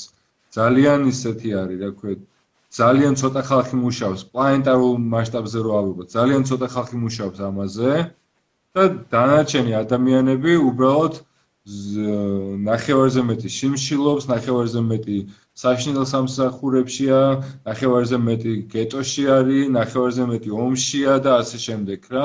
და ძალიან ცოტა პროცენტი ადამიანების მუშაობს იმაზე, რომ ჩვენ გარდავისახოთ რაღაც ახალ იმად. ამიტომ გარანტირებული ესე 100%-იანი მულტიპლანეტარული ცივილიზაცია არ არის, მაგრამ ამისათვის რომ გარანტია ამისი არსებობდეს, ეს ხალხი შენ, მე, მეცნიერები პირველ რიგში უნდა მუშაობდნენ დღე და ღამ აუცილებლად რომ ჩვენ შევძლოთ გავხდეთ ახალი სახეობა და შევძლოთ ახალი პლანეტების ათვისება. კი. მან რა არის ეს კიდე რომ აი შენ ხო თქვი რომ აი ძალიან ბევრი სიმშილოს, ძალიან ბევრი, მაგრამ ან კიდე 99% რეალურად კიდე უცოტა უფრო მეტი პროცენტიც არის უბრალოდ მომხმარებელი რა. შეიძლება ჩვენ თავში ხე ჩემში და შენში ეგრევე აღმოვაჩინოთ ეგ და პროსტა მომხმარებლები ვართ ან და ეს ჩვენი ბრალი კი არა ეს არის კულტურის ბრალი და სისტემის ბრალი უფრო რა სისტემის ბრალია რომელიც გაგზრდის მომხმარებლად და გაძლევს რაღაცა ერთ იმას ანუ აი ჭიანჭველების ისე წარმოიდგინო რა და რაღაცა ერთი პატარა ის გაქვს სიტყვაზე აი შენ ხარ სიტყვაზე რაღაცა აი ეს პროფესია გაქვს პირობითად გეუბნებიან და ეს პროფესია ისწავლა გეუნებიან უნივერსიტეტში დაამთავრე უმაღლესი განათლება გაქვს მაგრამ რეალურად სამყარო დავანებო დედამიწის იქ თვითონ დედამიწას არის უსასრულოდ დიდი. არსებობს უსასრულოდ ბევრი დიდი ინფორმაციები. ის ინფორმაციები რაც ჩემს ნოვერმა რომ გადაამუშავოს გადახარჯოს შეიძლება აი ყველაფერს პროფესიონალი რა თქმა უნდა ვერ იქნება მაგრამ ბევრად ამაღლდება შენი ცნობიერება, ინტერესები ამაღლდება და თუ ინტერესები ამაღლდება, კაცობრიობის მოთხოვნილებებიც ამაღლდება, გაიგე და აი ამ ლუპაში მგონია რომ ვართ რა რომ იმიტომ გვიჭირს დღესაც რომ გავაქციოთ კიდაც ამდენი ხანი ვერ გავედით.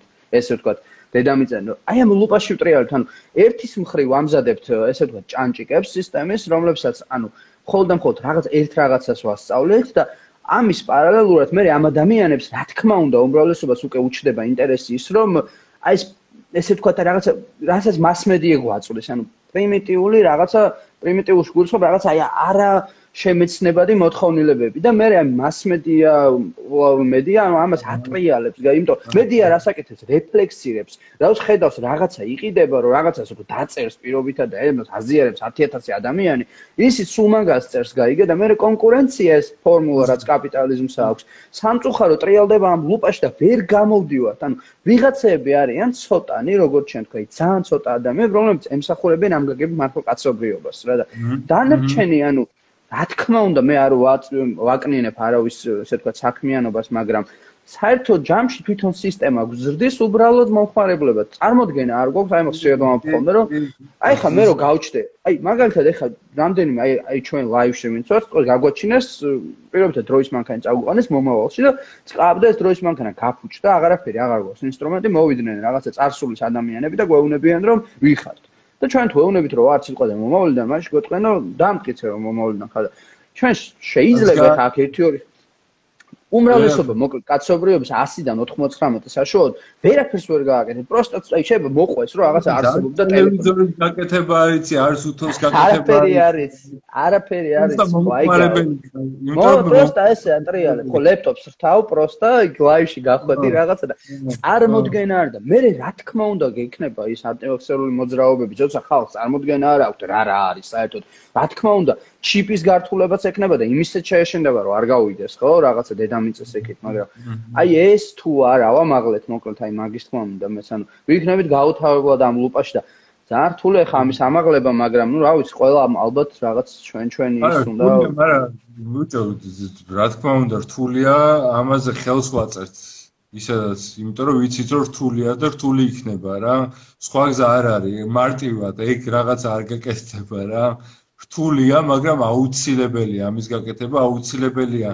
კულტივირება იმის, რომ ჩვენ ვართ კაცობრიობის თუ ქალობრიობის შვილები, პლანეტის შვილები და აი ამ პლანეტას უნდა მივხედოთ პირველ რიგში და ამის გარდა უნდა ვიფიქროთ იმაზე, რომ პლანეტის ბექაპები გავაკეთოთ და სხვა პლანეტებზე გადავიდეთ, იმიტომ რომ ჩვენ პლანეტის შვილების გარდა კოსმოსის შვილები ვართ. და კოსმოსი არის უსაზღვრო და ძალიან დიდი და ძალიან საინტერესო. და ამიტომ ჩვენ შეგვიძლია მანდაც გადავიდეთ და ზოგი მარსიანელად გადაიქცეს, ზოგი კიდევ სხვა რამე ეგზოპლანეტა ვიპოვოთ და იქ გადავიდეთ.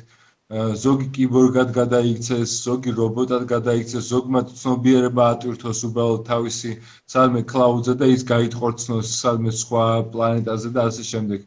მილიონი საშუალება არსებობს. და ამის გარდა უცხო პლანეტაზე უცებ გამახსენდა რატომაც სტრან გადახ უცნაურ გადახოვას გავაკეთებ, მაგრამ დელფინია დელფინები ახსენ ის დელფინებს მიანიჭეს სტატუსი non human person ანუ პერსონაჟი ოღონდ არა ადამიანი. ანუ ჩვეულებრივად ჩვენ თუ გვინდა უცხო პლანეტებთან აა უცხო პლანეტელებთან დიალოგის დამყარება ჯერ უნდა ვისაუბროთ დელფინებთან დიალოგის დამყარება კომუნიკაცია მათთან თუ შეგვიძლია, იმიტომ რომ აქვე ყავს, ნახე, ჩვენ აი ამ spaceship ნუ spaceship როგორ არის? ხომალდი.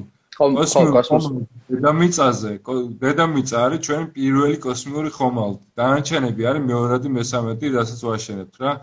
ამ კოსმიურ ხომალდზე ყავს ჩვენივე უცხო პლანეტელები, რომელთანაც კომუნიკაციას არ ვსწავლობთ რა, იმიტომ რომ კაცობრიობის შვილება, შენ როგორც თქვია, არ აღვიქვათ თავს, უბრალოდ მომხმარებლები ვართ რა.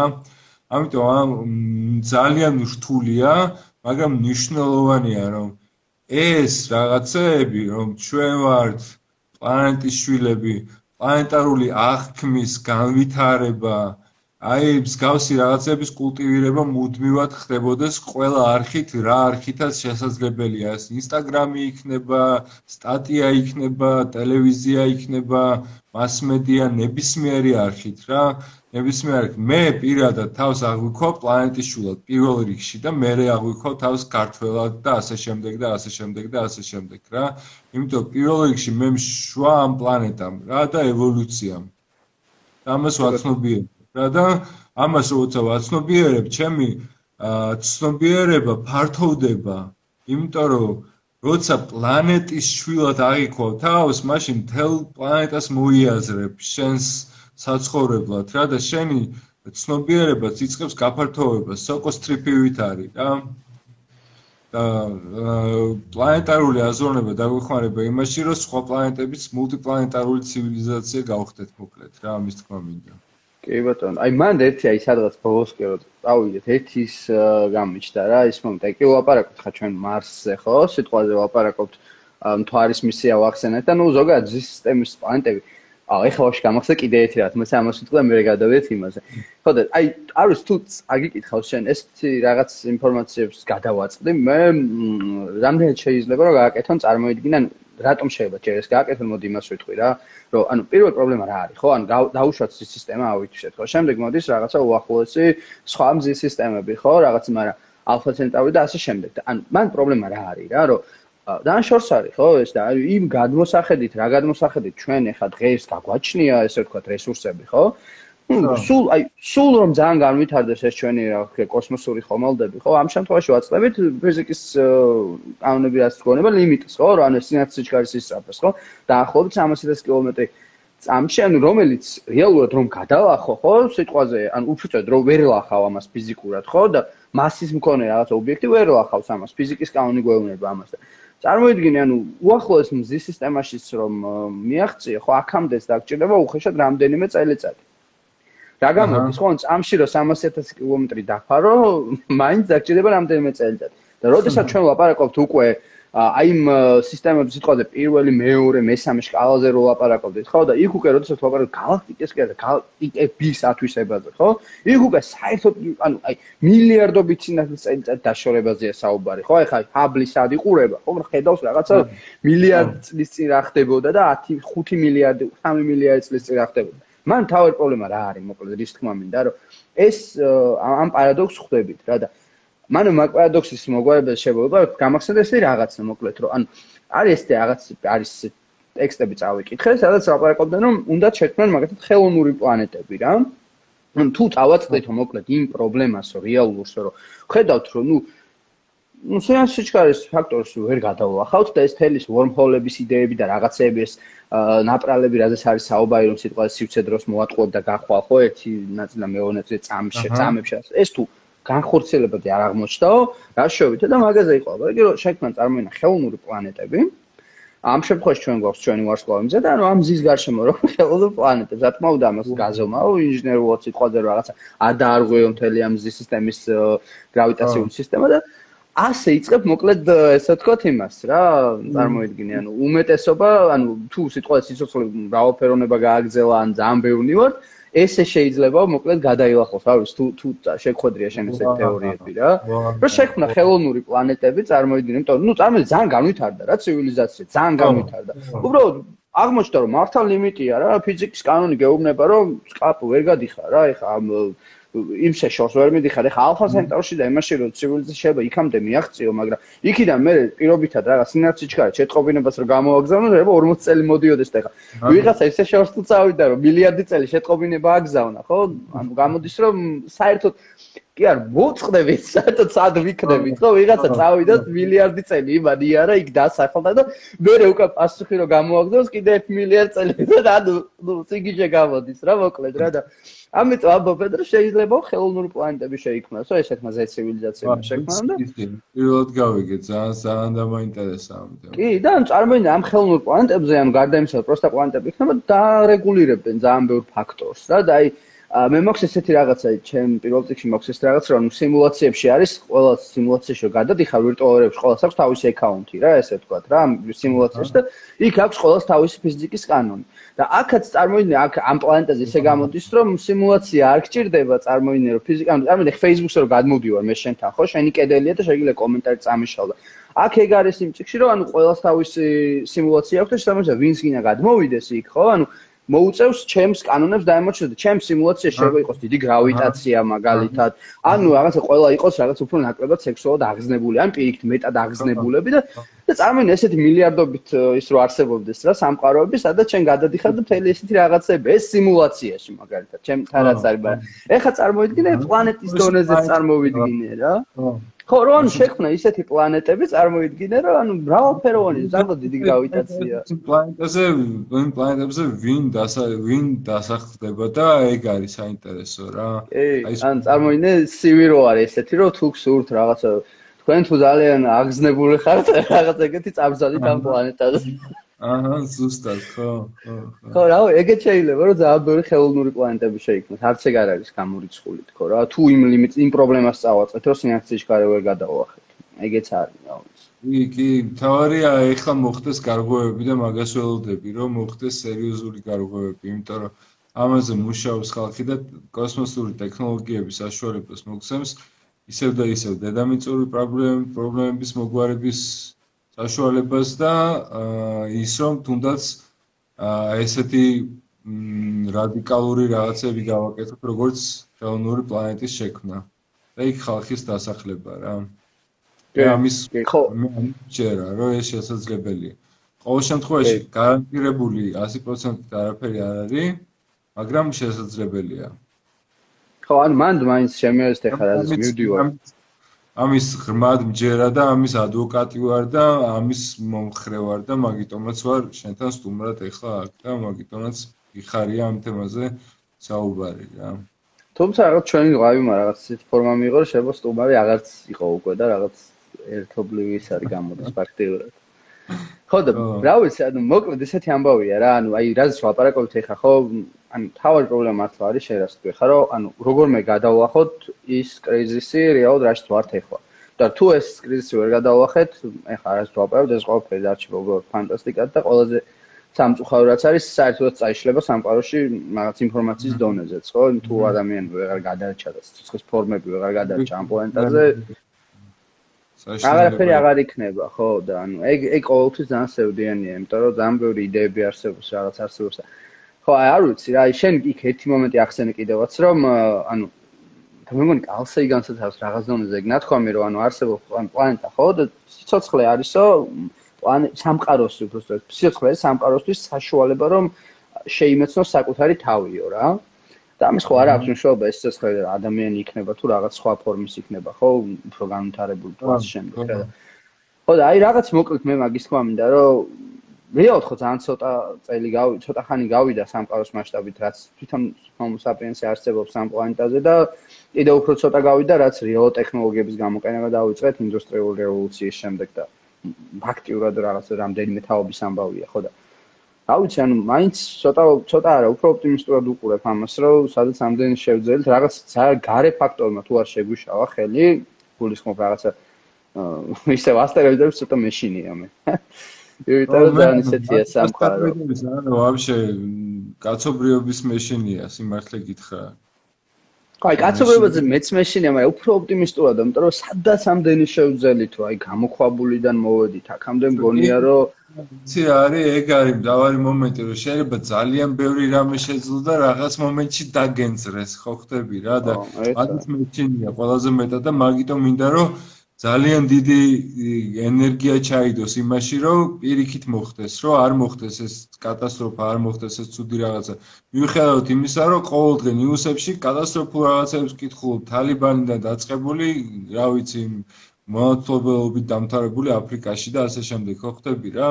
და ამის გარდა, ამის გარდა ბევრ ნიუს კითხულობ ტექნოლოგიური გარღვევების და რაღაცას და აი ორი სხვადასხვა სამყარო წარმომიდგება უცებ ხვდები. აქეთ ეს ხალხი კავშირი რაღაცა ყოველ დღე დებს ახალ რაღაცა გარღვევებს და ნიუსებს და იქით მეორე მხარეს კაცობრიობა საშინელ დღეშია რა. და ეს ორი ფაქტორი ერთმანეთთან რო ვადარებ ერთმანეთთან რო ვადარებ ძალიან ისეთ უცნაურ შეგრძნებას მიქმნის რა და არ ვიცი რომელი მხარე წაიღებს, რომელი მხარე გამოიმარჯვებს და ასე შემდეგ. და ამიტომ მინდა რომ მაქსიმალური ენერგია ჩავდო. ჩვენს მსმენელმაც აა მეცნიერები ისედაც დებენ მაქსიმალურ ენერგიას და ასე შემდეგ რომ აი კაცობრიულ აზროვნებამდე ავიდეთ და გავაგრძელოთ გავაგრძელოთ გზა ვარსკვლავებისკენ. რა ხო ნაუს მეც მეც მაგის იმედი თქვა ყოველ შემთხვევაში და რა ვინც გვისმენს ალბათ უმრავლესობასაც ამის ჯერა და რა ვიცი კარგია რომ მე მგონია რაღაც მისიასავით არის. აი ქრისტე ხო იყო და რაღაც თავისი მოწაფეები რო ყავდა რა. და რომლებიც აუცელებდნენ მე ამ თელ ესე ვთქვათ რა ვთქვა ამ თავის იდეებს და ხადაგებს ხო ჩემი აზრით ახლა ეს ქრისტე ჩვენთვის ამ შემთხვევაში შეიძლება იყოს მეცნიერება და ეს პროგრესული იდეები რომელიც გვინდა გვინდა რომ გავავრცელოთ. მოკლედ და შეიძლება ეს ლაივით გავავრცელოთ და შეიძლება მიხვიდე და ადამიანს და პროსტა მოუყვე რაღაცები და უთხრა ბიჭო აი ამდენი რაღაც არსებობს და წადი და გაიგე რაღაცები არ გინდა და მე ისწავლო ბიჭო სხვას მოუყვება რა და ეგეთი ამბავია რა მოკლედ რა. რა ვიცი ჩვენ ყველა ჩვენი ჩვენი ჩვენი მაქსიმუმი ვქნათ ამ ხელ და რა ვიცი იმედია დღესაც აა რაღაცა გავაკეთეთ ამ ხელ და სამ დათო სამ დაამთავრებ იმას მე მგონი სულ აკავმა გამოსცა კალსეიგანის გადათარგმნა კოსმოსი ყველას გირჩევთ წაიკითხეთ კალსეიგანის კოსმოსი პოპულარული ენით დაწერილი წიგნია ძალიან კაი წიგნია კიდე არის იუალ ჰარარი, ნოალ იუალ ჰარარი საპიენსი. ესეთი პოპულარული ძალიან მარტივიანი დაწერილი წიგნი. წაიკითხეთ მოკლედ ეგ იუალ ნოალ იუალ ჰარარი საპიენსი, ალსტიანი კოსმოსი. ეს არის ესეთი რა, ანუ ზედაპირულად რომ გაიგოთ ეს პლანეტარული აზროვნების აღქმა და ასე შემდეგ და მაგწიგნებს გირჩევდით დასასრულისთვის. კი, კი და ანუ აი მან სულაკაურს ეგ სერია აქვს სხვათა შორის ძალიან საინტერესო ახალი დაწყებული აქვს და ეგ ჰარალი და კალსეიგანი ხო თქვი შენ და ჰარს კიდე ერთი ახალი წიგნი გამოდის სულ ცოტა ხანში იქნება ეს ნიკას ამუშია თარგმნის და აა ეგ ეგ კიდე უფრო მაგარი წიგნი არის ჰარალი სხვათა შორის რომელიც მომავალზე არის და იქ უკვე უფრო სიგიჟეები ხდება რა. მაინტერესებს ძალიან. ნაწილი მაქვს მე ძალიან პატარა წაკითხული და რო გავიგე რომ ქართულად არგნენ მეთქი დაველოდები ბარებ თქო და ამ ამ ახალ ტექსტს ესე ვთქვათ მაგასაც ველოდები და ესაც ჩვენ თქვი ეს homo sapiens და კოსმოსი ხო საერთოდ რა ვიცი ანუ აუცილებლად უნდა წაიგითხოთ ნამდვილად და ანუ ერთი თუ რაღაცა სახეობის იმას დაგანახებთ ამ შემთხვევაში sapiens-ი რო ანუ რა ვართ და რა არის საერთოდ ჩვენი სისტემები, როგორ შევქმნით რაღაც ზონაზე რამდენად იუზებში ცხოვრობ. ну, კალსეიგანი ამ შემთხვევაში უფრო მეცნიერ დონეზე გვანახებს ამ ყველაფერს და ორი ერთმანეთს ავსებს, ორივე ერთმანეთს ავსებს. ეს საპიენს ისტორიას გიყვება და გიხსნის და ის კოსმოსისკენ გახედებს რა. ამიტომ ეს ორი წიგნი წაიკითხეთ. მე მგონი ჩვენ რაღაც ტრადიციასავე ჩამოგვიყალიბ და დავით წინაზეც რაღაც წიგნი უთხარით ხალხს და მე მგონი კარგი იდეაა წიგნების რჩევა რა. ხო, ხო, სხვათა შენს იმ კარგი რაღაც საკეთებ აი ეს. ბოლო დროს რა დაიწყე, წიგნებს როდებ ხოლმე, რომელსაც კითხე. ეგეც მაგარი რაღაცაა. ხო, ხო. ხო, შეგვიძლია ხოლმე ეგეც ისე ვთქვათ, უჩიოთ ხოლმე ნამდვილად. რა ვიცი, მე მგონი, მე მგონი დღეს ეს არის რა, რამე ხო არ გინდა დავამატოთ სწორზე. არა, მე მგონი პრინციპში ყველაფერი თქვი რაც მინდოდა მე თქვა და შენგანაც რაც მოვისმინე ძალიან საინტერესო იყო და ეგა. მადლობა მოკლედ ზულა შენ კიდევ ერთხელ ძალიან დიდი და სენოსაც მადლობა და და ძალიან მინდა რომ აღვნიშნოთ ძალიან ბევრი კომენტარი იყო რომ აი ლაივი დადეთ ისა არ დაიკარგოს ჩანაწერიო და ბოზეგმა ტელეფონი მიჯდება და ამ შემდეგ და ამ ვიწერთ ამას და დაიდება ასე რომ არც მაგაზე არ იქნება პრობლემა შეგეძლება ჩანწერს მოусმინოთ თავისუფლად როგორც Instagram-ზე დაიდება ასევე ჩვენს э, SoundCloud-ზე და ყველგან აიტვირთება მოკლედ ნებისმიერ პლატფორმიდან შეგიძლიათ მოусმინოთ არ იქნება იქ პრობლემა.